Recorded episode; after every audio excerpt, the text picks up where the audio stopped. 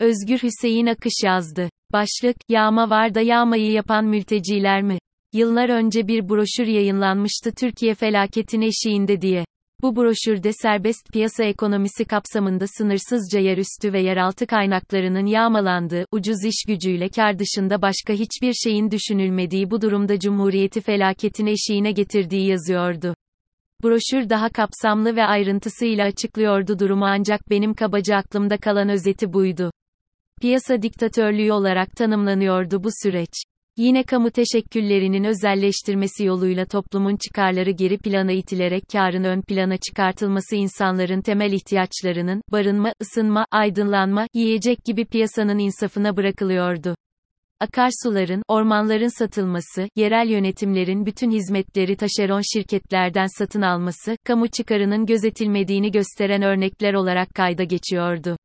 12 Eylül 1980'den sonraki süreç yukarıda kısaca bahsettiğim durumların ivme kazandığı bir dönemeç olarak düşünülebilir.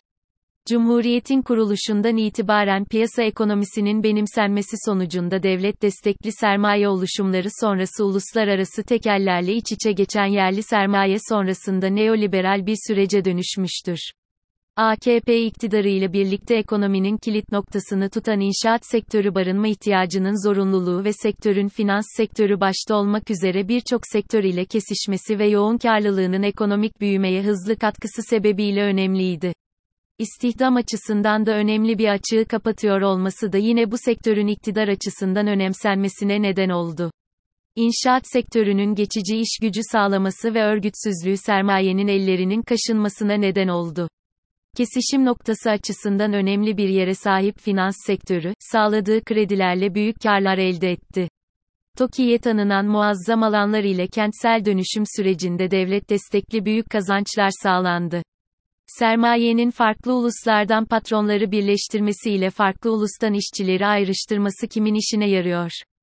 Kürt düşmanlığının sistemin devamlılığı açısından kullanılması, milliyetçiliğin gerçek yağmanın üstünü örtme işlevi, işçi sınıfının yükseldiği bu dönemde kullanışlı bir aparat olduğunun bilinirliği nedeniyle kullanıma açık hale getirilmiştir.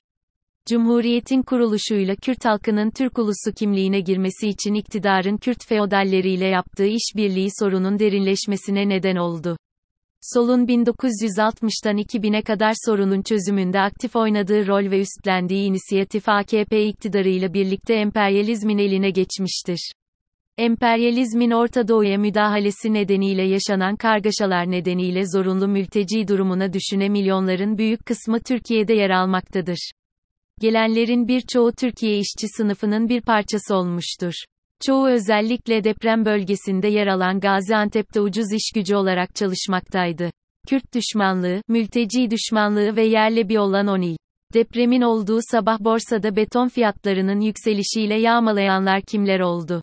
Kentlerin yeniden inşasında kaç müteahhit daha zengin olacak? Deprem bölgesinde Suriyelilerin yağma yaptığı iddiasıyla dolaşan siyasilerin amacı hangi yağmayı gizlemek? Evet felaketin eşiğinden gelip felaketin kendisini yaşıyor olmamız bir tesadüftü ya da bir bilinmezlik barındırmıyordu. Kasıtlı felaket yaşıyoruz. Kastın kendisi inşaatlar yapılırken vinçler inşaat alanındayken enkazın altında kalan insanları kurtarmak için o vinçlerin orada olmaması işte meselenin özetidir.